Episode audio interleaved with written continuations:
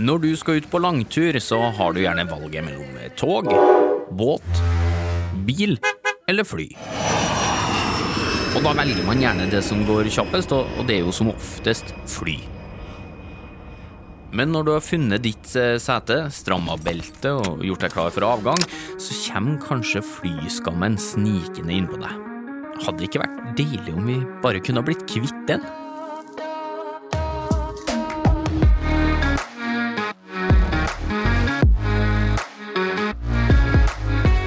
Hører podkasten Smart forklart med Aksel Faanes Persson.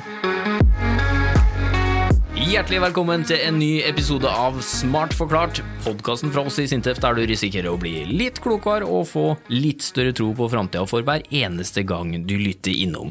I denne episoden så handler det om grønn luftfart, altså muligheten til å fly uten å bekymre deg for utslipp. Rett og slett en kur for denne flyskammen som mange av oss eh, kanskje har følt på, da.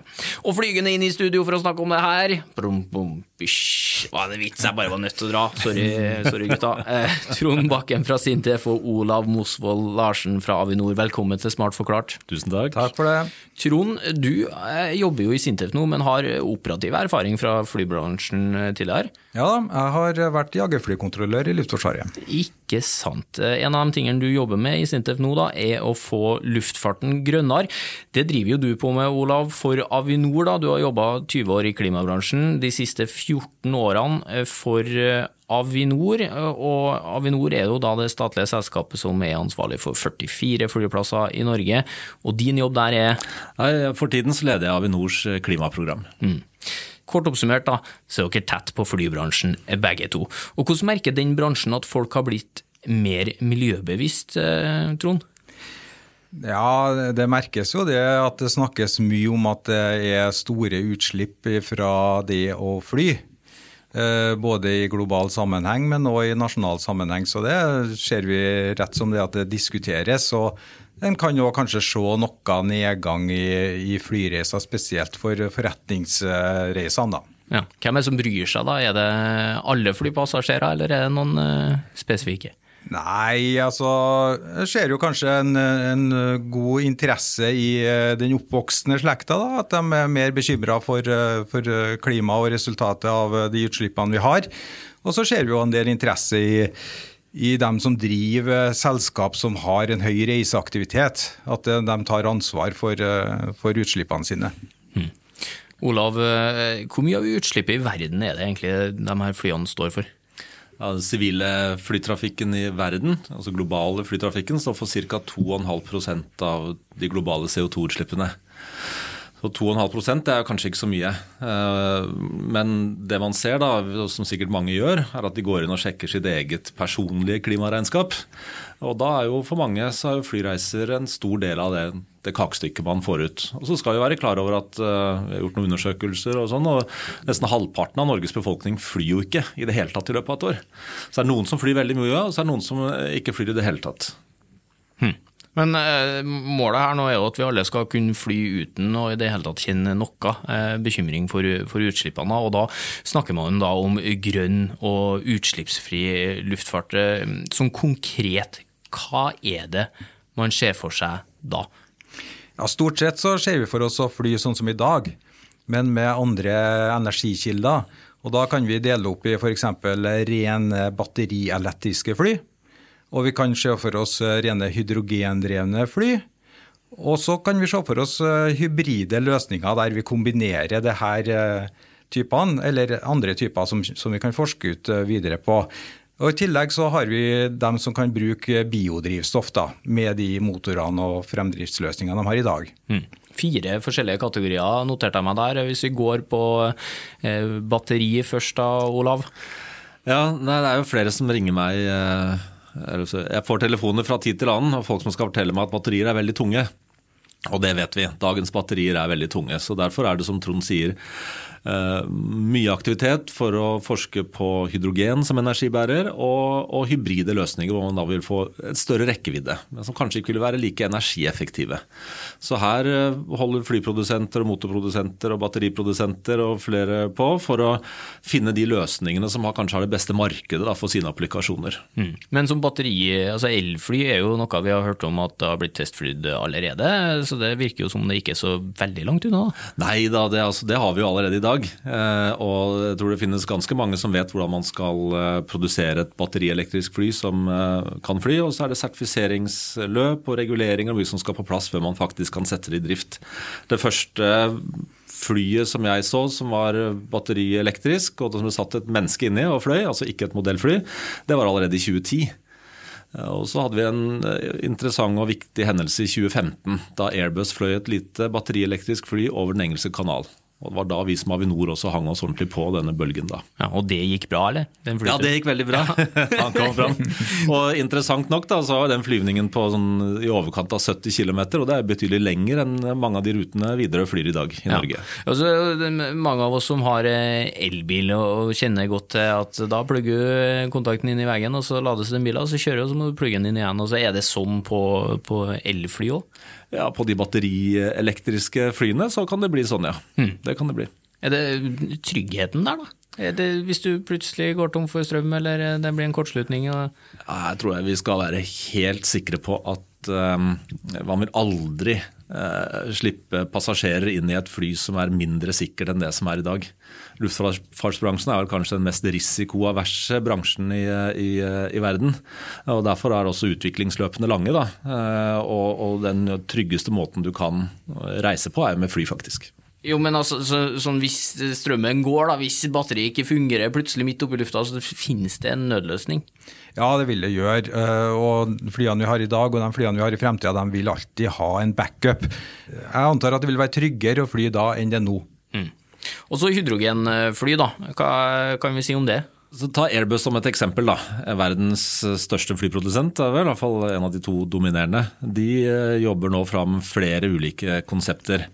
Eh, de ser på løsninger som har, hvor det er en elektrisk motor, eller flere elektriske motorer, som drives av en brenselcelle. Altså at man gjør om hydrogen til elektrisitet, og som driver eh, propellene. Så Det er den ene varianten. Og Så ser de også på løsninger, og det blir kanskje for de større flyene, da, hvor man skal eh, tilpasse dagens gassturbiner, altså jetmotorene, til å kunne ta større mengde hydrogen, så man kan fly på, på, på rent hydrogen. Og De sier jo at de har mye erfaring med hydrogen som energibærer, både i de romfartsapplikasjonene og forsvarsapplikasjonene som de, som de, jobber med til daglig. Airbus jobber jo med veldig mye mer enn bare passasjerfly. Mm. Og, og, hydrogen er supereffektivt drivstoff? Hydrogen er en eh, god og lett energibærer, og så må det oppbevares på en god måte. Så tankene er jo, altså beholderne er, er, er tunge. da. Så finnes det forskjellige måter å gjøre, løse det på, som det skal flytende hydrogen eller komprimert hydrogen? Ja, for at eh, hydrogen er, som Olav sier, veldig lett stoff, men det tar ganske stor plass. Sånn at eh, en må tenke litt nytt, og det her der forskninga og testinga kommer inn. da, At du må prøve å redusere eh, kraftbehovet og bli mer effektiv for å kunne bruke hydrogen for eksempel, da, som en energikilde. Mm. Hvor trygt er hydrogen? da? Vi må innom sikkerhetsspørsmålet der også. Ja, nå har vi jo over 100 års erfaring med å bruke ganske eksplosiv drivstoff i luftfarten, altså vanlig parafin. Um, og det gjør man i dag på en trygg og god måte. Uh, og det kommer helt sikkert til å finnes løsninger som er like trygge eller tryggere for, for hydrogen. Ok, da har vi vært innom eh, batteri, vi har vært innom eh, rent hydrogen, og en hybrid blir da en eh, solid blanding av de der to. Ja, det finnes, det finnes, en hel drøss forskjellige hybride løsninger. Poenget er at, som jeg var inne på i sted, at, at batterier er tunge. Eh, og i luftfart så skal man ha, ha med seg betydelige energireserver. På en, veldig enkelt, så skal man aldri lande med 0% igjen på batteriet. Du skal lande med kanskje 50% for du skal ha, ha tilstrekkelig energi i tilfelle noe som skulle oppstå. Ja, plutselig og, så er det kø, ikke sant? og så må du fly Ja, det kan, være, det kan være ting som skjer. Det kan være vær, eller det kan være noe som har skjedd på lufthavnen du skal til, og det kan være, det kan være ting som skjer underveis. da. Eh, så det flyprodusentene da er ute etter, er jo å ha løsninger som eh, gir deg bedre rekkevidde. Og den reserven bruker du kanskje én gang i lysåret, for å si det enkelt. Eh, så du drar på veldig mye mer batteri enn det som er strengt tatt nødvendig for å få deg fra A til B. Så de hybride løsningene gir deg lengre rekkevidde, men du kan likevel fly fullstendig batterielektrisk f.eks. På, på, på flyvningen. Ja, og I dag er jo reglene sånn at eh, når du, eh, du skal ha med nok brennstoff så du kommer deg fra A til B, fra Oslo til Værnes, i tillegg så må du ha med brennstoff sånn at du kan fly til en annen flyplass hvis Værnes er stengt. Og Du skal i tillegg ha brennstoff til å sirkle over den flyplassen, f.eks. hvis det er tåke der, eller hvis de brøyter, eller hvis det er ting som foregår som gjør at du ikke kan lande. Eh, og Sånn vil jo reglene være med de nye flyene også. Mm. Da har vi vært innom tre kategorier. En eh, notert en fjerde, biodrivstoff. Hva er det for noe? Ja, Der uh, må jeg vel kanskje uh, handle over til Olav, som var faktisk verdens første til å implementere biodrivstoff i leveransene på norske flyplasser. Så du kan jo si litt om det, kanskje? Ja, jeg snakker gjerne om biodrivstoff. Biodrivstoff ble sertifisert til bruk i luftfart i 2009, eh, såpass lenge siden. Og så tok det ordentlig, så tok av er kanskje å ta hardt i, men eh, fra 2011 så ble det mye brukt da, i demonstrasjonsflyvninger rundt omkring. Og så Vi snakker jo om hydrokarboner, altså parafin som vi flyr på i dag. Det er jo hydro, hydrogen og karbon. Eh, og så I biodrivstoff så får man hydrogen fra et sted som ikke er fossilt, da, og så får man biogent karbon. Eh, altså karbon fra planter eller eh, brukt frityrolje eller hva det skulle være. Så setter man dette sammen i det man kaller syntetiske, syntetiske drivstoff. Og så er det riktig det at, eh, som Trond sier, at vi var, vi var ikke først ute i Norge, men vi var relativt tidlig ute i Norge. Så vi hadde noen flyvninger i november 2014 inn til Zero-konferansen. Et fly fra Trondheim her og et fra Bergen som fløy til Oslo. Og, men det som var kanskje mest interessant, da, var det prosjektet vi hadde lansert i januar 2016. Da ble Oslo lufthavn verdens første lufthavn hvor man blandet eh, biodrivstoff inn i, den, eh, inn, inn, i, det store tankanlegget da, på, på, på, Gardermoen. Og det er for å redusere eh, kostnader i logistikkjeden. Ja, hvor, hvor mye mer miljøvennlig er biodrivstoff enn drivstoffet vi, vi, kjenner fra før? da? Ja, Det kan være veldig mye mer miljøvennlig, men det kommer an på hva slags bio du putter inn i det. kan du si. Så man, jeg tror man er ganske anerkjent at man kan få mellom opp til eh, nesten 90% utslippsreduksjon med biodrivstoff sammenlignet med fossilt eh, drivstoff. Såpass, ja. Og da har vi altså fire mulige løsninger her for å komme oss inn i, i grønn luftfart. Og, og, eh, da er det det store spørsmålet, altså hvor utslippsfritt kan det bli? Vi mener at det kan bli fossilfritt, da, som vi sier. Eh, altså man ikke skal bruke fossilt drivstoff, for det er det som er det viktige. Og Når vi ser på uh, utslippsstatistikken av alt drivstoff uh, fylt på norske lufthavner, så går 90 av det drivstoffet det går til flyvninger i Norge og til Europa altså innenfor en rekkevidde på ca. 3000 km, 300 mil. De resterende 10% er intercont. Og hvis alt blir sånn som eh, man håper og tror eh, de neste 20 årene, så vil man kunne fly på batterielektrisk, hydrogen, hybride løsninger, kan si intraeuropeisk, på de, det som man kanskje kaller regionale flyvninger. Da. Eh, mens de siste 10 vil eh, fortsatt være avhengig av flytende hydrokarboner. Og så må jo flyene byttes, flyflåter byttes ut osv., så, videre, og så, videre, så det er langt lerret å, bleke. Men, men, løsningene for at man skal kunne fly fossilfritt, eh, de er til stede i dag og, og eller under utvikling. Mm. Ja, hvor, hvis du skulle gi en optimistisk tidsanslag her, da, hvor, hvor, kjapt kan vi gjennomføre denne overgangen? Ja, vi er ganske trygge på 2050. At norsk luftfart kan bli fossilfri i 2050. Ja. Og så er det jo, som du nevner, en hel flyflåte som må byttes ut på veien dit. da. Altså, Hvordan skal vi gjøre det uten at det blir minus i klimaregnskapet? Ja, det er jo et godt spørsmål. Og det er jo der kanskje det med biodrivstoff kommer inn da som en viktig faktor. At vi må sørge for bedre, eller en høyere andel biodrivstoff i drivstoffet de, de fyller. da.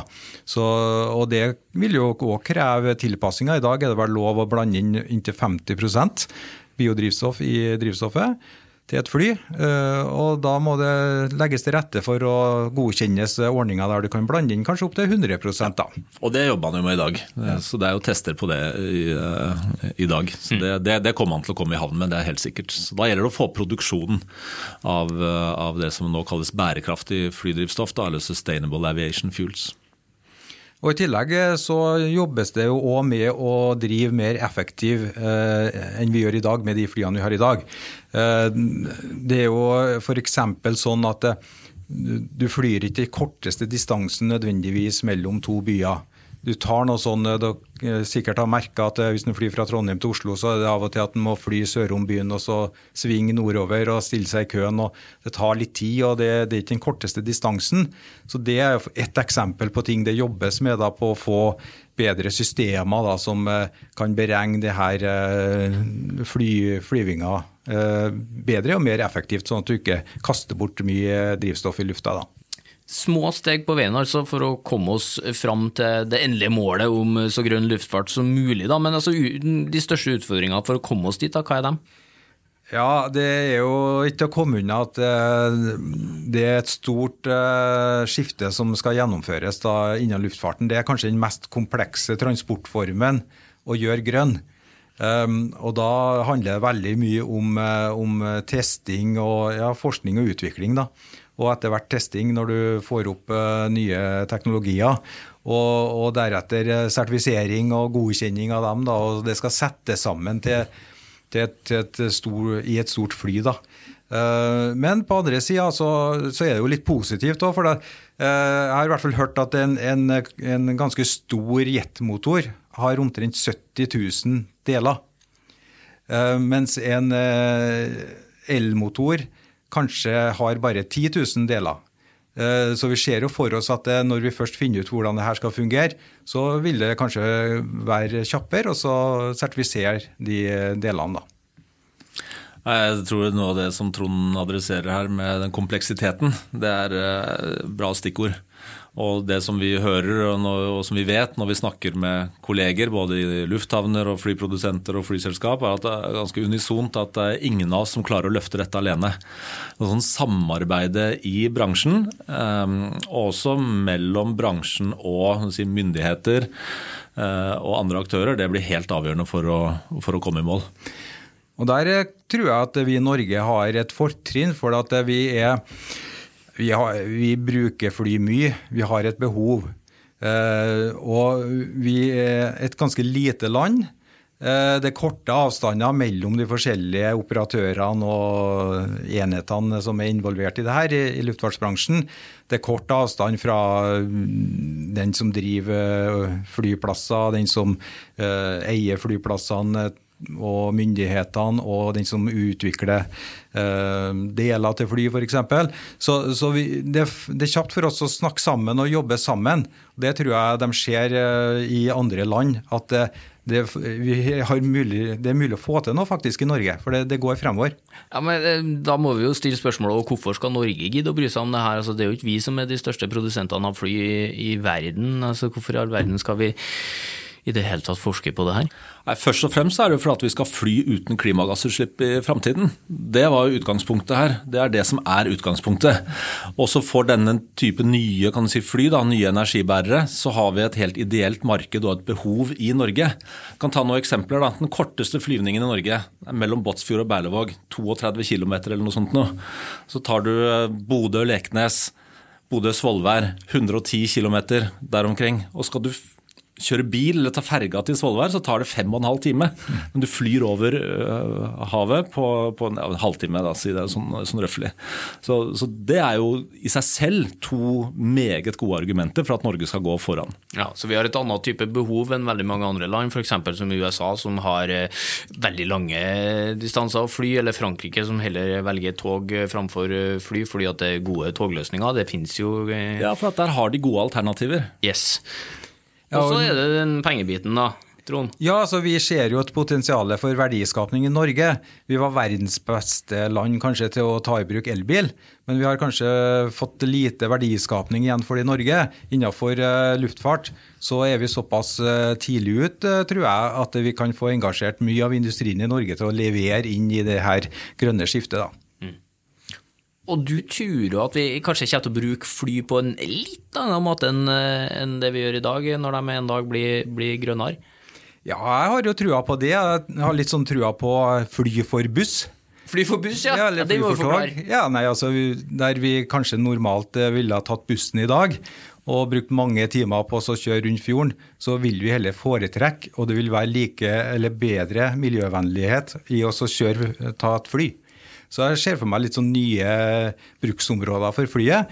Eh, I tillegg til, til det eksempelet så ser jeg for meg at vi kan begynne å fly til flyplasser som det ikke er så mye aktivitet på i dag, der det er korte distanser. da.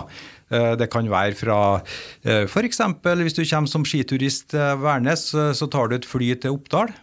Eh, fordi at det er miljøvennlig og den kjappeste måten å komme seg dit på. Det tror jeg at vi kanskje kan se i framtida. Mm. Ja, det høres ut som en fin eh, og grønn og god eh, framtid. Men den der opplevelsen av å fly da, når det blir grønt, og så tenker jeg den der opplevelsen man har fra å gå fra dieselbil f.eks. til elbil, så merker man jo en kraftig støyreduksjon. Elbilene lager jo knapt lyd. hvordan blir den opplevelsen på flyfronten? Ble lignende støyreduksjon f.eks.? Ja, det er vi helt sikre på. Og det har vi allerede erfaringer med. Vi har jo et lite elektrisk fly. Avinor og Norges Luftsportforbund, Widerøe og SAS og Zero eh, driver et sånt lite fly sammen. og Der eh, merker vi det allerede. Så det er et av de virkelig en av de virkelig store fordelene med elektrisk luftfart i, i framtiden. For at fly- og helikopterstøy det er jo et, et problem særlig for, for, for naboene til lufthavnene. Ja, Og for oss som sitter på, da, da kan vi endelig høre podkast f.eks. Ja, da kan du høre podkast, og det vil være både mindre, mindre lyd og mindre vibrasjoner i, i, i, flyet. Ja, Det er nydelig. og vi, Bare for å konkludere med det òg, Trond. Fly er kommet for å bli. Flyet kommer for å bli, ja. det er det. Men så nevnte dere også at hydrogen for eksempel, det tar jo mye større plass sånn som i dag. Da vi har ikke kommet fram til de løsningene som gjør til at det tar mindre plass å lagre det. Vil vi se liksom større fly, eh, eller er det fly sånn som vi snakker om i, i dag? Jeg tror mye av eh, jobben for forskerne fremover det er også å se på hvordan vi bedre kan få ut effekt av hydrogen, f.eks. Sånn at vi klarer oss med litt mindre mengder enn det som det ser ut for i dag. Og Det samme innenfor batteri òg. At vi kan få mer effektive batteri som er lettere og sånn. Så det blir en del av jobben. Men jeg tror nok vi vil eh, se litt eh, annet design ja, på en del nye flykonsepter, tror jeg. Ja, og elektriske motorer åpner jo også muligheten for nye design. For du kan ha mange, mange, små motorer i stedet for to store. Og Hvis man ser på de konseptene som jeg nevnte Airbus uh, har jobbet med i dag, så, så, ser man både ganske skal man si, spenstige uh, varianter, mens man ser også fly som ligner på de som er i dag, men som er kanskje litt lenger, hvor det er satt av god plass til å oppbevare hydrogen. da. Ja, og, og, vi ser jo det, og vi har jo kontakt med, med mange av de her eh, nye konseptutviklerne. Eh, og, og, var nettopp eh, på besøk til en i, i, Sverige som heter Heart Aerospace. Og Der så vi jo, De hadde jo fått bygd opp en modell, da, et sånn skjelett av hvordan flykroppen skal se ut. Og Der går jo diskusjonen på hvor skal veggen gå, hvor langt skal setene eh, gå bakover i flyet hvor stor del av flyet skal gå til bagasje og til batteri og den biten der. Da. Så det, det, er absolutt et tema som diskuteres og utvikles nå. Ja. Kan ikke dere neste gang dere er på besøk dem bare si fra at de må uh, sikre god beinplass? Det hadde vært fint. Det skal vi. Vi får si det til Anders Forslund. ja, vi får gjøre det. Du kan sitte på rad én, der var det brukbart. Riktig, er notert. Eh, bare på vegne av alle oss med litt eh, lange føtter. Du, eh, uansett høy eller kort, da, når er vi vanlige passasjerer kan sette oss inn i et grønt rutefly for første gang på en flyvinning i, i Norge? Tror dere, da?